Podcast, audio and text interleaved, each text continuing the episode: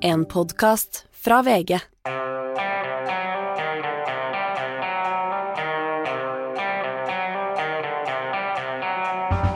Ikke visste jeg at alle disse dagene som kom og gikk, de var selve uke fem. Vi har kommet så langt opp i det nye året at jeg må spørre Magne før vi starter podkasten på fredag, hvilken uke vi har kommet inn. Det er et godt tegn, eh, Hanne. Absolutt, men vi er fortsatt på ensifra uker, da. Vi er fortsatt på ensifra uker, men det er litt umerkelig når du går fra jobben og sånne ting. Det er en strime av lys i horisonten som gir håp om tider som skal eh, komme.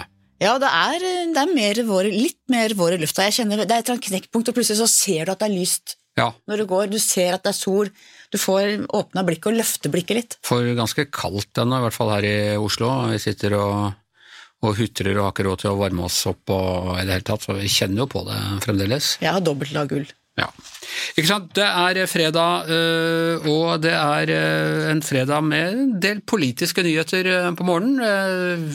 Ordentlig wake-up call for oss politiske nerder. Sitter og satt og, og hørte på Eller radioen ruller og går på morgenen, og først var det om den der ballongen som kineserne har sendt opp over Montana, eller hvor det var. Alvorlig, men også litt øh, en sak med et visst komisk øh, aspekt. Ja, Du får litt sånn følelse av sånn gamle TV-avisen med sånn uh, stor ballong som svever over og folk kikker ned. og Det er Ja, ja. både gammeldags og kanskje veldig moderne på en gang. Jorda rundt på 80 dager, tenkte jeg på Ja, ja, ja. Jules Verne. Men uh, i hvert fall eh, spionballong antagelig da, som eh, henger over Montana. Hva skal de gjøre? De tør ikke skyte ned, for den kan være full av et eller annet ubehagelig materiale som kan da drysse den over. Nå må jeg si Montana er den mest mennesketomme staten i, i USA, så det er vel ikke det verste stedet å skyte ned i så fall. Min farfar var faktisk der og gjette sauer på slutten av 20-tallet. Hva var det, ja? Har du vært i Montana? Ja. Ja, det er flott i Montana. Veldig fin. Veldig sånn Rocky Mountains og veldig Ja, det er norsk noe, noe, noe av det som er ganske norsk, men samtidig annerledes, for det er jo litt mer Ville Vesten òg. Og nå har jo den TV-serien med Kevin Costner og sånne ting også, som har satt Montana på dagsordenen. Nå snakker jeg meg helt bort, fordi mens vi drev og hørte om disse ballongene øh, hvert tiende minutt på Dagsnytt oppdaterende, så plutselig var det en ny nyhet, og det var at regjeringen eh, Jeg kan ikke si revidere, for det er jo ikke revidert, men, men skal justere eh, statsbudsjettet. Ja, for de har jo lagt til grunn helt feil tall for prisstigning, inflasjon og alt, sånn at det som skulle være det de kaller et stramt budsjett, det er jo diskutabelt, det ble sjukt mye strammere. Plutselig så var det altfor lite penger i alle offentlige etater fordi at prisstigningen har spist opp pengene. De får mye mindre for pengene på sykehus, politi, forsvar, alle.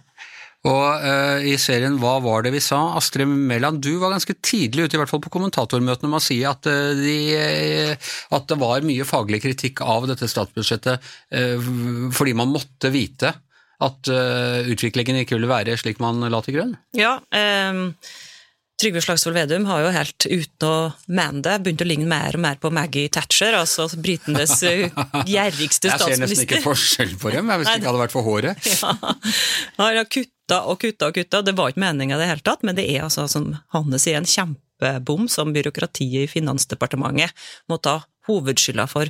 De visste det her allerede da de la frem statsbudsjettet i fjor. Det sto i statsbudsjettet at de her anslagene som Hanne snakka om for eh, prisveksten og lønnsveksten, de er antageligvis altfor lav. Men vi kjører, hva? Men Hanne, du pleier å være veldig streng på å bruke mer penger, men nå er det greit? Vi kan bruke mer penger her? Ja, penger handler jo om antall kroner, men det handler også om kjøpekraft. Hva du får for pengene. Og det er klart at hvis du fikk, hvis du fikk eh, 300 bokser med medisiner for eh, så og så mange tusen kroner for et år siden, og så for, nå får du bare 250 bokser for det samme kronebeløpet, så er det faktisk en nedgang i kjøpekraft. Og det er jo noe annet enn at du har et stramt budsjett hvor du strammer inn på faktiske kostnader. Ja, og da er det lov å bruke mer penger, er kortversjonen. Spør, altså, mer, pengene er jo blitt mye mindre verdt. sånn at det Du kommer er nødt til å bruke mer penger. Ja, det, er, det er jo ikke mer penger, men det er flere kroner, men ja, mindre Men, kjøpekraft. Ja, ja, ja. Fordi pengenes verdi er flytende. Men eh, det jeg lurer på er nå type Kjerkol, som nå, stakkar må man nesten si, har vært ute og gjort seg så upopulær som en, bare en helsestatsråd eh, kan bli, og blitt beskyldt for å være kald og kynisk, og, eh, men nå skal hun få penger til budsjettene likevel, da. Ja, Det er to måter å lese det på. Det ene er at hun ble slengt under bussen. Det andre er at hun tenkte at oi, nå må jeg lage skikkelig skikkelig bråk rundt hvor ille det er for sykehussektoren, for da er de i hvert fall nødt til å justere opp det budsjettet så jeg får mer penger til sykehusene. Jeg må opptre veldig kaldt og kynisk, sånn Ja, at eh, jeg må være regjeringen skikkelig- feiger ut Ja. Nei, jeg tror det det, det, er bussen. Jeg tror, jeg tror bussen, ja. Fordi at eh, hun har jo da gått strafferunde på strafferunde etter at Finansdepartementet har fem bom og brukt opp de her ekstraskuddene. Så hun har vært ute, ikke sant. ABC-klinikken er kanskje det vi har hørt mest om i media, måtte legges ned. Men også sykehuskrisen, ikke sant. Eh, Så hvis de bare kommer med de her eh, endringene litt før, så hadde jo Ingvild Kjerkol hatt litt bedre utgangspunkt. Og det burde de egentlig ha gjort, mener jo mange eksperter. For hvorfor kommer regjeringa nå med eh, ekstrabevilgningene på mange, som vil bli mange milliarder da, for å, for å unngå de her kutta som de absolutt ikke ville ha. Hvorfor kommer de først nå med det, når de visste allerede eh, i høst, når de la fram budsjettet, og til og med skriver det i budsjettet. De burde kanskje ha retta det opp allerede da, for det her er jo utrolig viktige tall for Norge. Det er jo mange som bomma. VG-kommentatorer bomma, og Nordea bomma på anslag for prisvekst. og sånn, har ikke så mye å si, men når Finansdepartementet bomma, så er det utrolig eh, viktig. Det fører til at vi får dårligere helsetilbud, vi får dårligere skole, dårligere forsvar. Så det blir kutt som ikke over, i det hele tatt var politisk ønska. Eh, så det her burde de jo kanskje ha retta opp tidligere, da. Det er sånn alle mellomledere kan frustrere seg over dette, Hanne. Du som dere ble enige i ledergruppa i VG at man skal kutte så og så mye i budsjettet, så kommer du til kommentaravdelinga og sier vi må kutte så og så mye overtid, og så sier vi nei, det er umulig å kommentere hvis vi ikke har så og så mye overtid. Og så jo, du står på det og blir passe upopulær på avdelinga, og så kommer Gard Steire og sier jo, det er klart vi har mer penger. og da blir jeg jævlig sur. Men det er jo det som har skjedd, for det som i tillegg er saken, er jo at skatteinntektene er så mye høyere enn eh, de trodde. De har eh, tatt feil på det, og det har jo gått bra i Norge. Det er det som er, reflekterer det. Altså Personbeskatningen, selskapsbeskatningen, momsen, alt sammen. Det er mye større inntekter enn de hadde tenkt. Og det er jo litt alvorlig, for det er vi, folk flest, som skatter. Og så får vi dårligere tjenester andre enden, for det blir kutt. Og for oss er det ikke sånn at når prisene har økt, så har inntektene økt mye, mye, mye mer. Tvert om. Vi er ikke i statens posisjon, som får masse, masse mer inntekter, og dermed kan egentlig kompensere for denne prisveksten. Men uh, hvorfor, altså, hvorfor skjer ikke dette? Vi har jo, et, øh, vi har jo noe som heter revidert uh, på vårparten, hvor man nettopp skal gjøre det. Uh, Tilpasse budsjettet i, ja, i forhold både til den politiske situasjonen, altså i forhold til ting som kan ha skjedd i mellomtiden og forandret på forutsetningene. Jeg tror de følte at nå brant det så eh, intenst. Nå var det ikke sant, det er virkelig kostnadskniven er i en masse rekke etater. De har rett og slett ikke penger til drift. sånn at det er klart at dette tror jeg bare de måtte gjøre. og Det er en helt uvanlig situasjon. Vi har jo ikke hatt høy inflasjon på mange mange, mange år, tvert om. Og da eh, slår det så veldig hardt inn at jeg tror ikke de hadde noe valg. De måtte ta det nå. Det var, det var for lenge å vente til revidert eh, budsjett. Og så er det et bakteppe at 2022 var akkurat likt, egentlig. Eh, Det ble reelle kutt i 2022 òg, som Ingvild Kjerkol gikk jo inn i det nye året allerede med, med kutt. Um, så det blir jo følgefeil, Det blir enda verre og verre og verre. Så det, de måtte komme med det her nå. og Egentlig så tror jeg kritikken eh, går på at de burde gjort det før. Men tror du Astrid, at de er flaue på andre sida av gata? Vi ligger jo Ja, rett overfor Finansdepartementet. er, de er flaue i Finansdepartementet. Det er jo et ærverdig departement med grå eminenser som vi sjelden hører om i media. Vi kjenner ikke navnene deres, men ehm, jeg tror de er flaue over denne eh, tabben her, og det er i miljøet rundt. Så er For det det er en tabbe, kritikk. det er det det er. Ja, altså um, Det er jo ikke lett å treffe alle bommer, det gjør de hvert år, men det er en stor bom, og de har bomma mer enn analysemiljøet. og det, du kan si ja, greit de bomma, men da burde de i hvert fall ha retta det opp allerede når de la fram budsjettet i fjor. Og de sa Ja, det i er det det er budsjettet snakk om. For det, altså, jeg mener, det er krig, og det, altså, det er mange ting som inflasjonen ble høyere. Det er jo mange ting som skjer som kan forandre på forutsetningene. Ja, ikke sant? Men for det første så bomma vi i 2022 òg, Ja. og de visste jo allerede i høsten 2021 at oi sånn, energiprisene har jo blitt enormt høye. Så de burde kanskje i 2023 da tenkt litt mer på i offentlig styring, ha forutsigbarhet, og så burde de kanskje ha gjort noe med det allerede i august. Da hadde de den siste augustkonferansen sin når de, frem, de jobba med statsbudsjettet, så så de jo at det her blir for lavt, de skrev det sjøl, så hvorfor ikke gjøre det allerede da? Men da er det liksom ikke ende på hvor god råd vi har, og la Dolce Vita, apropos hvordan man behandler mellomlederne sine i denne regjeringen. eh, Det var nå en eh, pressekonferanse på Rena, der Hæren holder til, og der forteller eh, regjeringen at de skal kjøpe 54 Leopard 2-stridsvogner fra Tyskland. Leopard 2-stridsvognene, det er vel de samme stridsvognene som ja, typen som Tyskland har sendt til Ukraina, så vidt jeg skjønner? Det, er i hvert fall i Leopard-serien. Ja, De har jo ikke sendt ennå, de har sagt at de skal. Ja, sagt sende. at de skal sende, og vi har vel ikke kjøpt den heller, men, men, det er i hvert fall en sum så stor at de vil ikke si uh, hvor stor den er. Uh, og dette er jo stikk i strid med hva forsvarssjef Eirik Kristoffersen har ønsket, Hanne. Ja, men det er i tråd med stortingsvedtaket. Det har vært et stortingsvedtak på dette basert på tidligere fagmilitære råd, og da har vedtaket vært opptil 72 stridsvogner. Um, og så gikk da, som du sier, forsvarssjefen egentlig et brev, litt sånn hemmelig brev først, som lagt til Dagens Næringsliv, ut og sa at ville, han ville heller ha andre ting. Ja, dette er litt gammeldags sånn vi trenger helikopter og droner ja, og det er ikke dette vi trenger mest. luftborn uh, ja. Og da gikk jo leder for utenrikskomiteen, Høyres Ine Eriksen Søreide, ut og sa at man bør avvente til man får både Forsvarskommisjonen i løpet av våren og nytt fagmilitært råd. Og så tror jeg avveiningen i regjeringen har vært at nå er det så stor og Fagmilitært råd det er altså den offisielle rådet fra ja. forsvarssjefen til, ja. til, regjeringen, og ikke sånn lekkasjer i DN? Nei. Uh, og, men så tror jeg at vurderingen fra regjeringens side har vært at nå er det så stor etterspørsel etter alt mulig forsvarsmateriell. Alle sender jo stridsvogner, ulike typer våpen, ammunisjon ikke minst. Man tømmer jo lagrene, i hvert fall bruker opp mye av lagrene i alle datoland og sender til Ukraina. Og da er det stor kø også på de fabrikkene som lager dette utstyret. Så jeg tror regjeringen bare har sett at vi må stille oss i den køen. Signere nå. Og stridsvogner trengs jo ikke bare i Norge, men også inn i hele Natos strategi hvor det er, eh, trengs. Jeg tror at uh, man har tenkt at ok, forsvarssjefen har en faglig vurdering, men de må ta et større ansvar. Det er veldig gode tider for våpenindustrien, dette her. Det var der vi skulle kjøpt aksjer, hvis vi har lov til å kjøpe aksjer, Anders. Ikke sant. Det er oljefondet. Hva som er reglene på våpenindustri? Har de lov til å De har ikke lov til å kjøpe klasebomber, men ellers så tror jeg ikke det er noen begrensninger i forhold til våpen, så langt jeg veit. Ja. Nei, det er, det er helt uh, uhyggelig. Men uh, hva mener vi om dette? Stridsvogner eller uh, jagerfly? Jeg mener jo faktisk at de bør gjøre begge deler. Jeg mener at Når det er sånn som situasjonen er nå, så kan vi ikke være veldig eh, gjerrige på pengebruk i Forsvaret. Da må vi kjøpe inn og lage og få inn det som trengs til Forsvaret. Ja, Så vi satser på at Forsvaret vet å bruke disse penga på ja, det er god måte, spørsmål. for det har jo ikke alltid vært uh, tilfellet. Nei, det har ikke alltid vært tilfellet. Men det er klart, hvis du ser på liksom, kjøp av helikoptre, ulike typer raketter, stridsvogn, så er det faktisk ting du kjøper det er ikke byråkrati og dårlig Det er noen prosesser rundt de eh, innkjøpene som av og til har kosta litt penger også? Absolutt. Ja.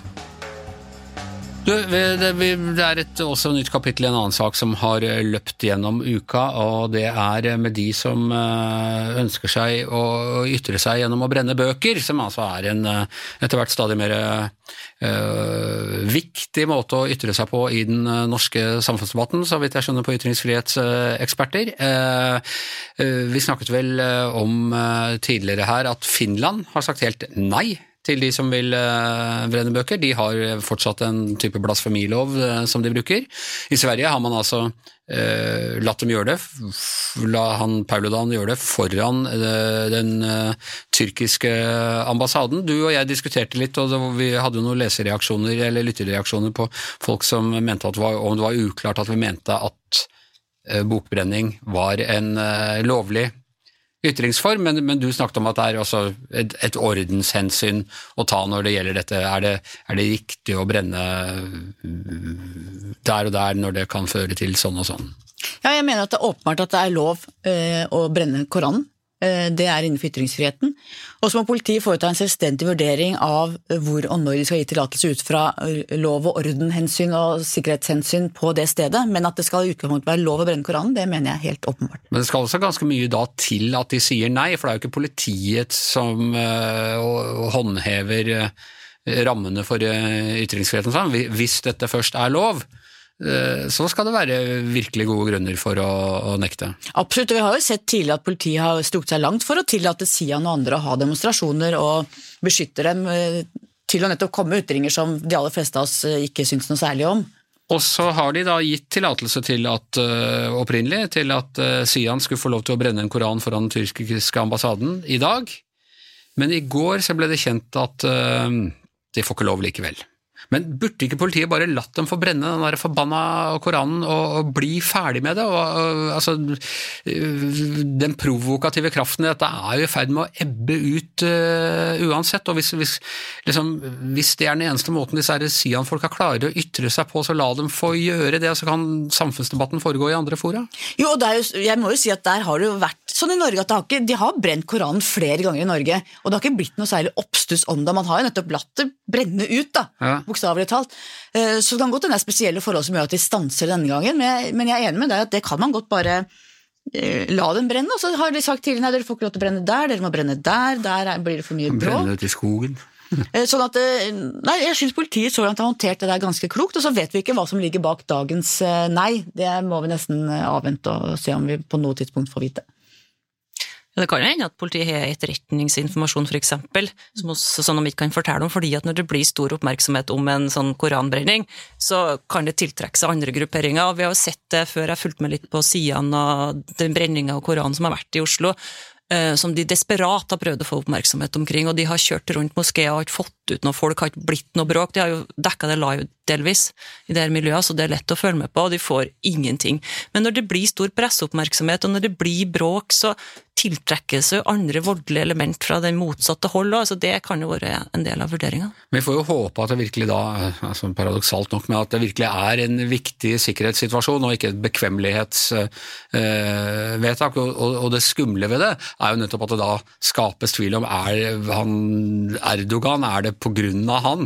Uh, at uh, ambassadøren ble innkalt på, på teppet her. og uh, hvis det, er, hvis det, er, noe sånt som ligger bak Anders, så er det en gedigen skandale som vi må avdekke. Ja. Men inntil videre så velger jeg faktisk å tro at, at det er som Astrid sier, at de har etterretningsinformasjon på at det er ganske voldelige motgrupper, at det kan rett og slett bli Det er jo ganske skummelt for tida. Vi så jo denne uka her at det ble avlyst flygninger til afrikanske land av eh, etterretningsinformasjon, sikkert, da, eller trusselbilde, ja, på grunn av de her sånn brenningene av Koran. 2006 etter karikaturstriden? Det sprer seg, ikke sant, og det er helt sikkert noen som pisker i rørt vann her, som prøver å hisse opp stemninga, som har ført til eh, sikkerhetsfare for de ansatte på de her forskjellige flyselskapene fra Nederland eh, som flyr til Afrika. Så det, det, er noe som skjer. Ja, Så har vel Sian varslet at en eller annen form for markering blir det uh, uansett, så det er jo det, uansett en, en situasjon som, uh, som, er en utfordring for uh, politiet, da. Ok, for uh, noen måneder siden er det vel blitt nå, så, så klarte ukrainerne å kaste uh, russerne ut av Kherson, og da satt jeg her i studio og sa at uh, dette var ikke slutten, det var ikke engang begynnelsen på slutten, men det kunne være slutten på begynnelsen. Det begynner å bli vanskelig å holde ved den doktrinen der, Per Olav. Det, de har vel egentlig ikke beveget seg så mye siden da i det hele tatt? Eh, nei, men eh, det har vært eh, veldig harde kamper i Donbas, med store tap på begge sider, og det virker jo som om ja, Det er det jeg mener, det er bare deprimerende mer krig, liksom? Ja, det er, en, det er en, på mange måter en stillingskrig, en skyttergravskrig, en kamp om hver landsby, og også om noen av disse forsyningsrutene som er, går gjennom dette området. Og den kampen pågår for fullt. Og så er stadig større da, oppslutning om å, å sende eh, våpen til Ukraina, og stadig sterkere eh, våpen. Men går det rette veien? Er det noe, ser vi noen eh, altså Selvfølgelig hadde det sett verre ut om de ikke hadde fått våpen, men, men, øh, men er det noe som helst tegn på at ting går ukrainernes vei? Det jeg så Zelenskyj, presidenten, snakket om i går, var at han mener at den russiske offensiven, den forventede offensiven, kanskje allerede har startet. De har ehm, eh, oppmarsjert et veldig stort antall styrker, eh, som også holdes litt unna fronten akkurat nå, men som kan settes inn i ukene som kommer. Eh, og fra, i hvert fall på ukrainsk side så forventer de at den virkelig store offensiven kommer omtrent rundt årsdagen for invasjonen, som altså da var 24 februar. Eh, og Ukrainas forsvarsminister sier at eh, Resnikov sier at eh, russerne har da 500 000 soldater de kan sette inn i, kampen i Donbas, at de vil forsøke og da ta kontroll over hele den delen av Ukraina. Så er det jo spørsmål, da, et av de springende spørsmålene er jo om de våpnene som Vesten har lovet Ukraina, på en måte kommer frem i tide, blant annet disse stridsvognene som vi har snakket mye om her tidligere. Eh, det tar tid å eh, lære opp og utplassere disse, så, og det kan nok ukrainerne trenge da, hvis de skal klare å forsvare seg mot den forventede offensiven som kommer østfra. Eh, Jonas Gahr Støre redegjorde om eh, Norge og Ukraina i Stortinget i går, Hans Petter. Du hørte på det? Mm. Det var bra, det. Ja.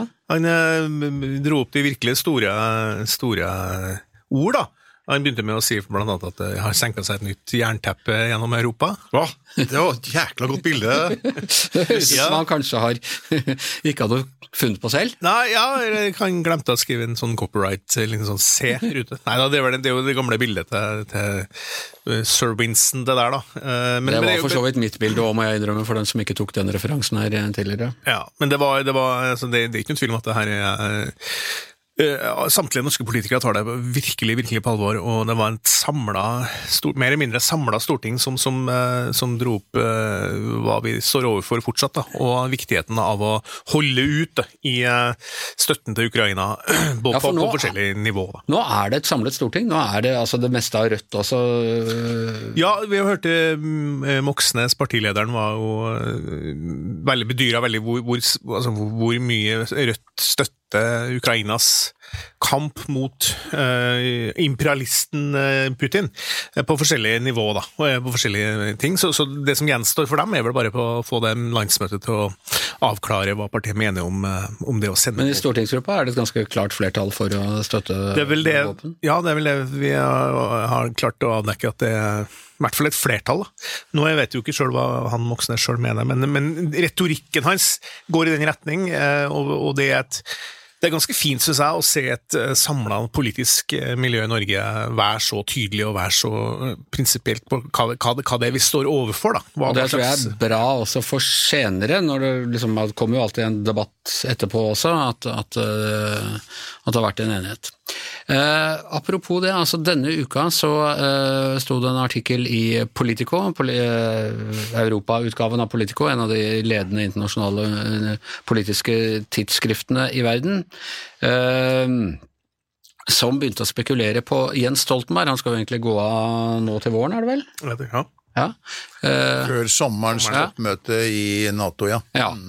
Uh, litt usikkert om han virkelig kommer til å gjøre det, men det er jo på høy tid å begynne å, å uh, spekulere på hvem det kan bli. Og en av de som har vært nevnt, han har en egen kjenningsmelodi her i denne podkasten.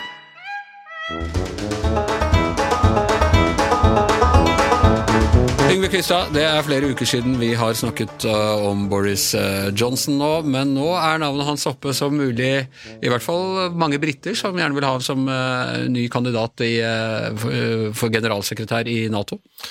Det sies jo det at, at det er en ualminnelig samstemt tverrpolitisk enighet om å, om å, nominere Boris Johnson. Det er vel mest for å bli kvitt ham, har jeg inntrykk av. Men, eh, men eh, altså, det, er en, det, er en, viss grad av seriøsitet i, i, forslaget. Og Det er ikke bare Politico som har skrevet om Boris Johnson, og, eller, eh, eller nevnt, nevnt, han i, i nyere tid. Og Helt tilbake til juni i sommer så begynte The Daily Telegraph, eller The Torygraph som det ofte kalles, dette mørkeblå regjeringsorganet, og, og spekulere i, i, Boris Johnson. Og Det som er interessant da, er at de tidligere har også dratt opp til andre kandidater. Uh, det som, eh, og når da Telegraph skriver at senior, Tory, uh, senior Tories uh, lanserer, eller kommer til å lansere Boris, så er det et sånt stammespråk for at dette er noen som har snakka sammen, og at dette er sannsynligvis ja, Er han kandidaten til Toryene, i hvert fall som er regjeringspartiet? Ja, eh, det kan se sånn ut, men samtidig eh, altså En av de første som ute og, ute og reagerte, det var jo han lord Dannett, altså tidligere forsvarssjefen i Storbritannia, sa at det var en særdeles dårlig idé. Han hadde ikke lyst til at Storbritannia skulle bli eh, latterliggjort internasjonalt, og han kalte Boris Johnson en landeplage. Så, så det er ikke alle som, som støtter den. da. Men eh, Boris Johnson har jo, altså akkurat uh, når det gjelder Ukraina-spørsmålet, så var han jo veldig tydelig og klar. Og det er litt den rollen han har, dette har vi snakket om før, søkt etter hele tiden. Han har jo Winston Churchill som, eh, som forbilde og uh, rollemodell. Er det så corny om han skulle få den eh, jobben, eller er han for ut, uforutsigbar? Han er nok for uforutsigbar, ja. Dessuten så er det, jo, er det jo nesten sikkert at Frankrike kommer til å legge ned veto. Uh, Fordi? Nei, fordi at han har eh, vært såpass uh, vanskelig overfor Frankrike. Og han, han har fornærma franskmennene, og, og, og, kjemien mellom han og Macron er jo ekstremt uh, dårlig.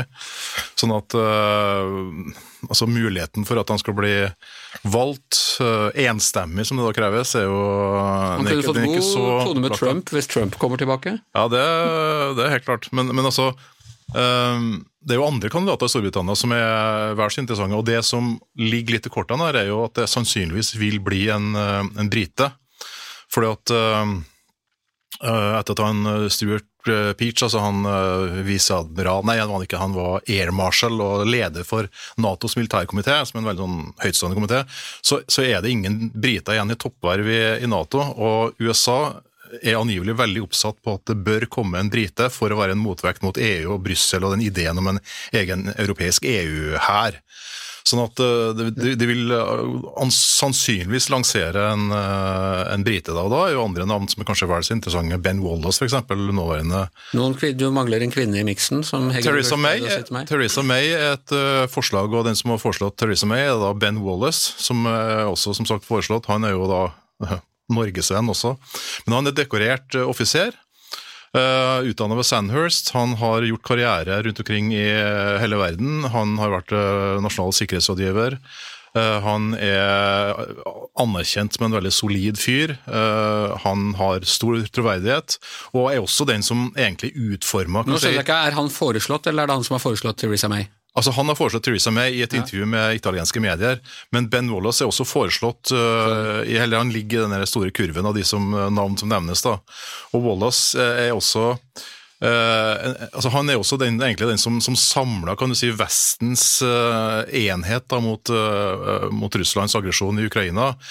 Boris Johnson er den som tok æra for det, men det var jo, hans, hans, det var jo forsvarsminister som egentlig formulerte Eh, det Boris gjorde, og all ære til han for det, det var jo at han reiste til Sverige og til Finland og snakka med dem og fikk dem oppfordra dem til å søke Nato-medlemskap og sånt. Og det tror jeg nok var ganske viktig for å, for å komme i gang med den um, prosessen.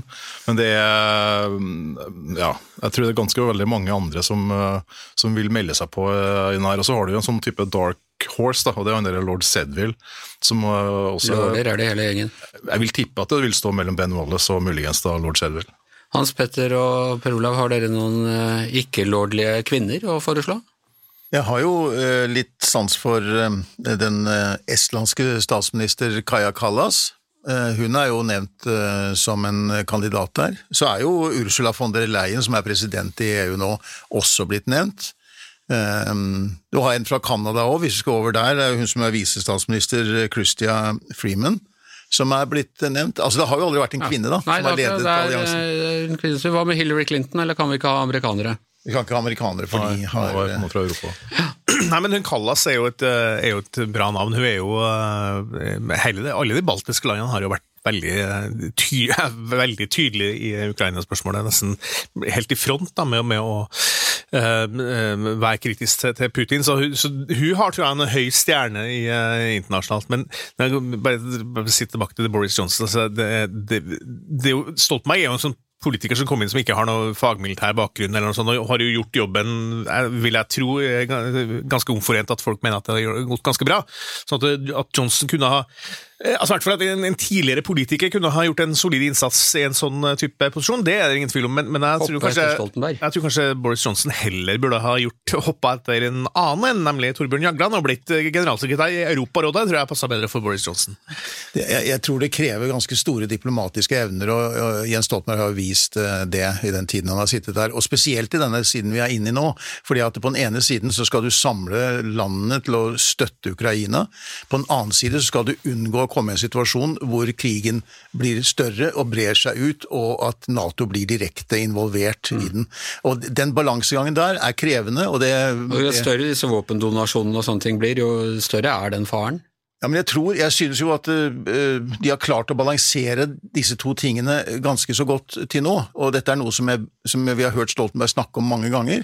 Um, og det er nok, selv om enheten i Nato er sterk, så er det samtidig viss uenighet om akkurat kursen videre. Det er ikke og jeg tror nok en del i de store landene i vest, enkelte av dem i hvert fall, mener at noen av de i staten i øst går for langt til å pushe Russland. Jeg tror det er to ting er det ene er at jeg er også ganske sikker på at jeg vil bli en tidligere politiker som også har vært ganske høyt oppe i, eh, i systemet. Eh, statsminister eller, eller eh, ja, minister av noe slag. Men den andre tingen jeg tror er at altså Storbritannia er veldig tydelig på at det er deres tur. Altså De har ikke hatt noen inne på lang, lang tid. Uh, verken som generalsekretær eller i noen av de toppkomiteene, og nå har de ingen. Uh, uh, også, så jeg tror at de kommer til å presse på veldig der. Og To andre navn som også nevnes, det er jo David Cameron og William Haig. to tidligere ledere for konservative partiet. Og William Haig han er vel kanskje den som er mest aktuell av, av de to. Uh, Får jeg bare de britiske karikaturene for mitt indre øye her av Haig og ja, uh, men Haig er nok den som Han er jo mer sånn typisk Han er sånn, sånn uh, Secretary of State, uh, han er sånn statsmannaktig. David Cameron tror jeg dessverre har spilt seg litt av sidelinja um, etter uh, brexit-avstemningen. Men altså, det skal ganske mye til for at Boris Johnson blir ny Nato. Ja, det tror jeg, her, her, tror jeg skal I en sånn situasjon som er nå, og, plassering i en sånn en privatpraktiserende utenrikspolitiker som Johnson, som nå fyker omkring i hele verden og, og liksom uh, opptrer med statsleder, han tror jeg ville vært et særdeles dårlig valg. Derfor jeg flåsa litt med å si at han kanskje heller burde ta rollen som generalsekretær i Europarådet, som kanskje Ja, du kan få ha en fin bolig der nede i, i Strasbourg og, og kose deg, men, men kanskje ikke så veldig viktig. Han er den eneste toppolitikeren eh, som har sin egen kjenningsmelodi i denne podkasten, så jeg, eh, jeg, støtter hans eh, kandidatur. Det er klart at du vil få et veldig mye morsommere Nato hvis Boris Johnson blir generalsekretær. Jeg vet ikke om et morsomt Nato er det vi ønsker oss. Nei, kanskje ikke det vi skal ha, nei, men Det kan være at vi må vente litt med dette også. Det er vel ikke så helt usannsynlig at Stoltenberg Nettopp. kanskje fortsetter en, en, stund til. Ja, det, han er jo blitt nøda før. Og, jeg tror nok det er mange i Nato som gjerne ser det. Ja, så, for det er, det, egentlig, det er det man egentlig vil? Jeg tror, mange, jeg tror mange, av medlemslandene i NATO gjerne ser det. Ja, for de, orker, de har ikke lyst til å eh, bytte team eh, akkurat nå. Midt i, og eh, samtidig sånn få en sånn litt opprivende konflikt mellom type Frankrike og England. Og sånt. Et argument mot det igjen er at hvis han ok, ett år til, da kommer du midt opp i presidentvalgkampen i USA, og da kan du komme opp i en helt ny situasjon igjen. Ja. Ok, nok å gjøre for denne podkasten blir i hvert fall.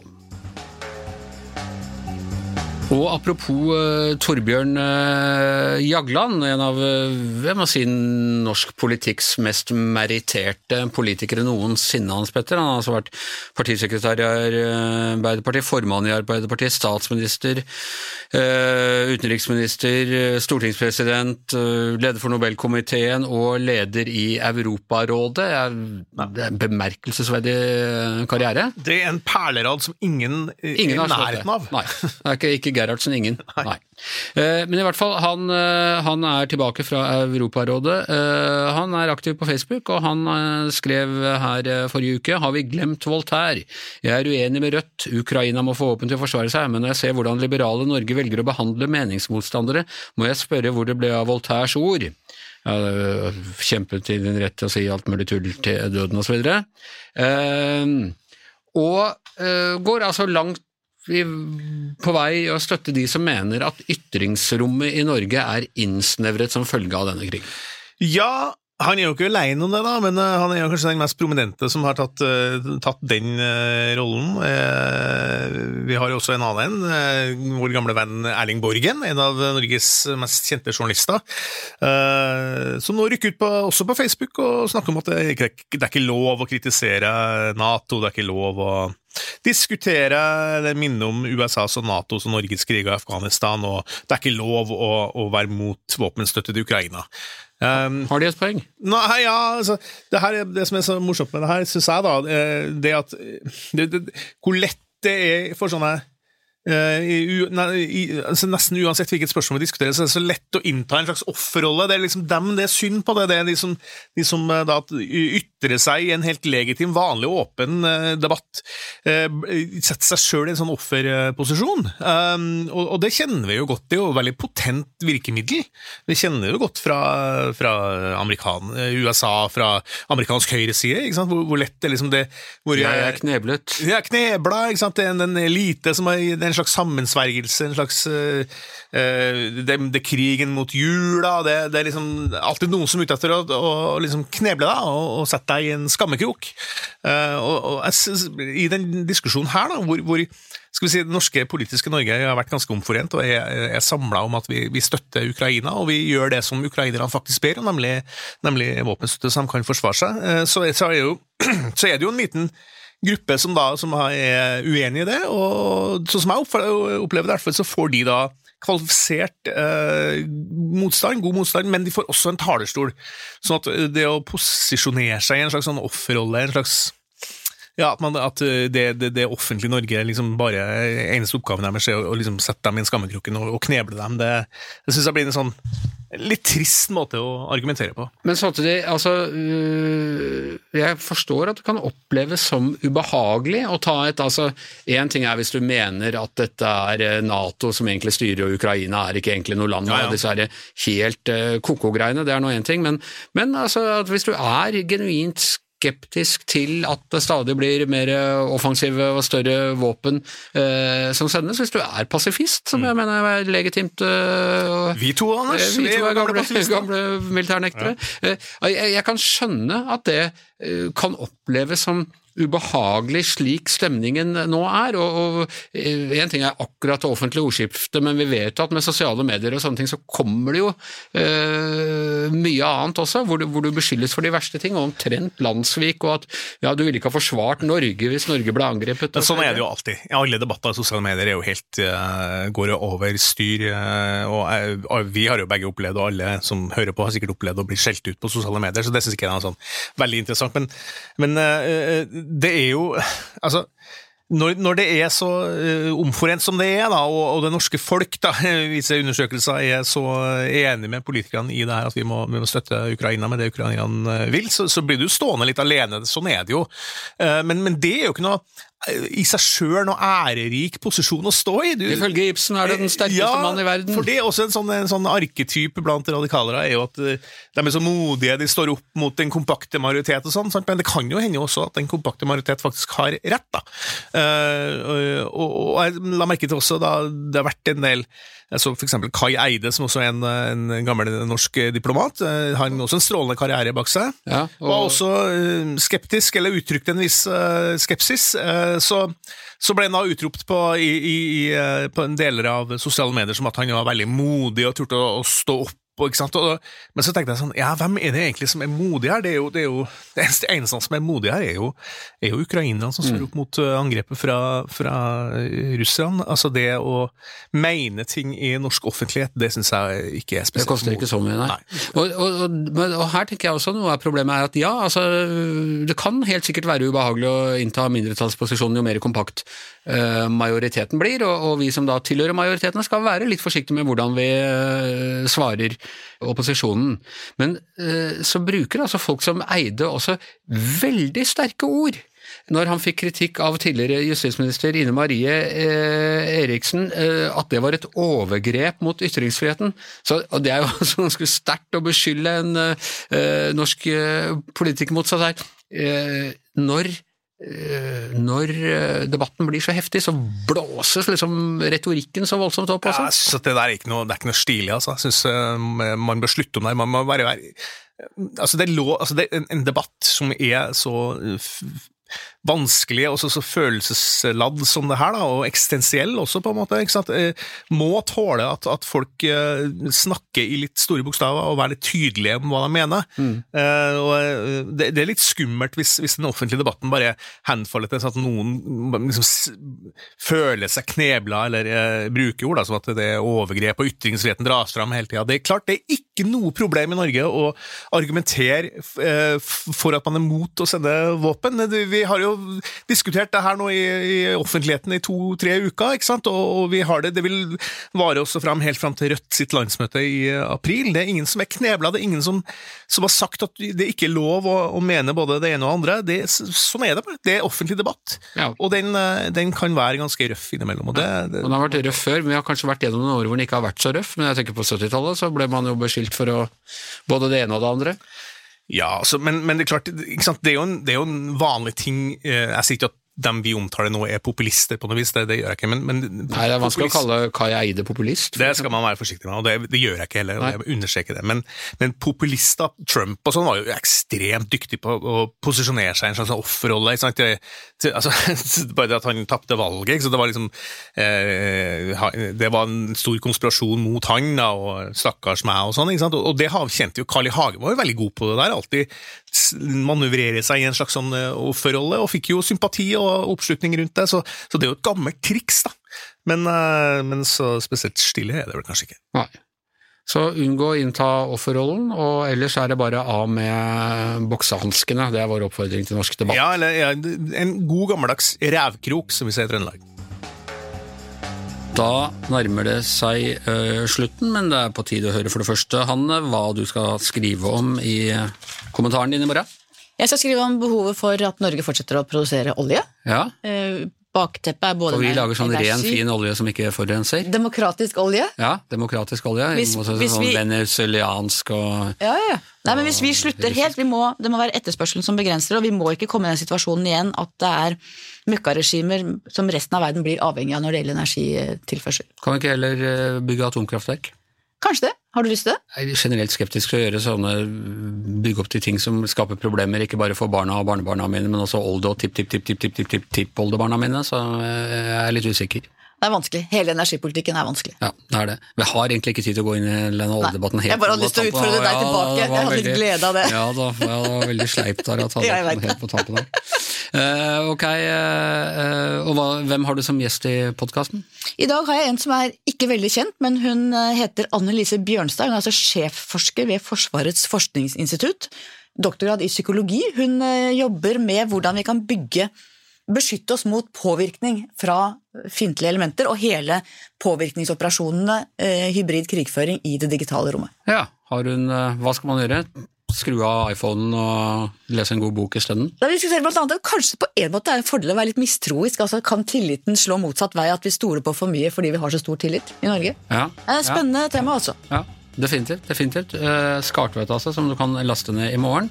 Så med det er Gjever og gjengen over for denne uka. Tusen takk til Hanne Skartveit, tusen takk til Astrid Mæland, tusen takk til Per Olav Ødegaard, tusen takk til Yngve Kvistad, tusen takk til Hans Petter Sjøli. Jeg heter Anders Gjever, og mannen som sørger for at vi ikke blir påvirket av dårlige informasjonskilder, er som vanlig vår produsent Magne Antonsen. Du har hørt en podkast fra VG. Ansvarlig redaktør Gard Steiro.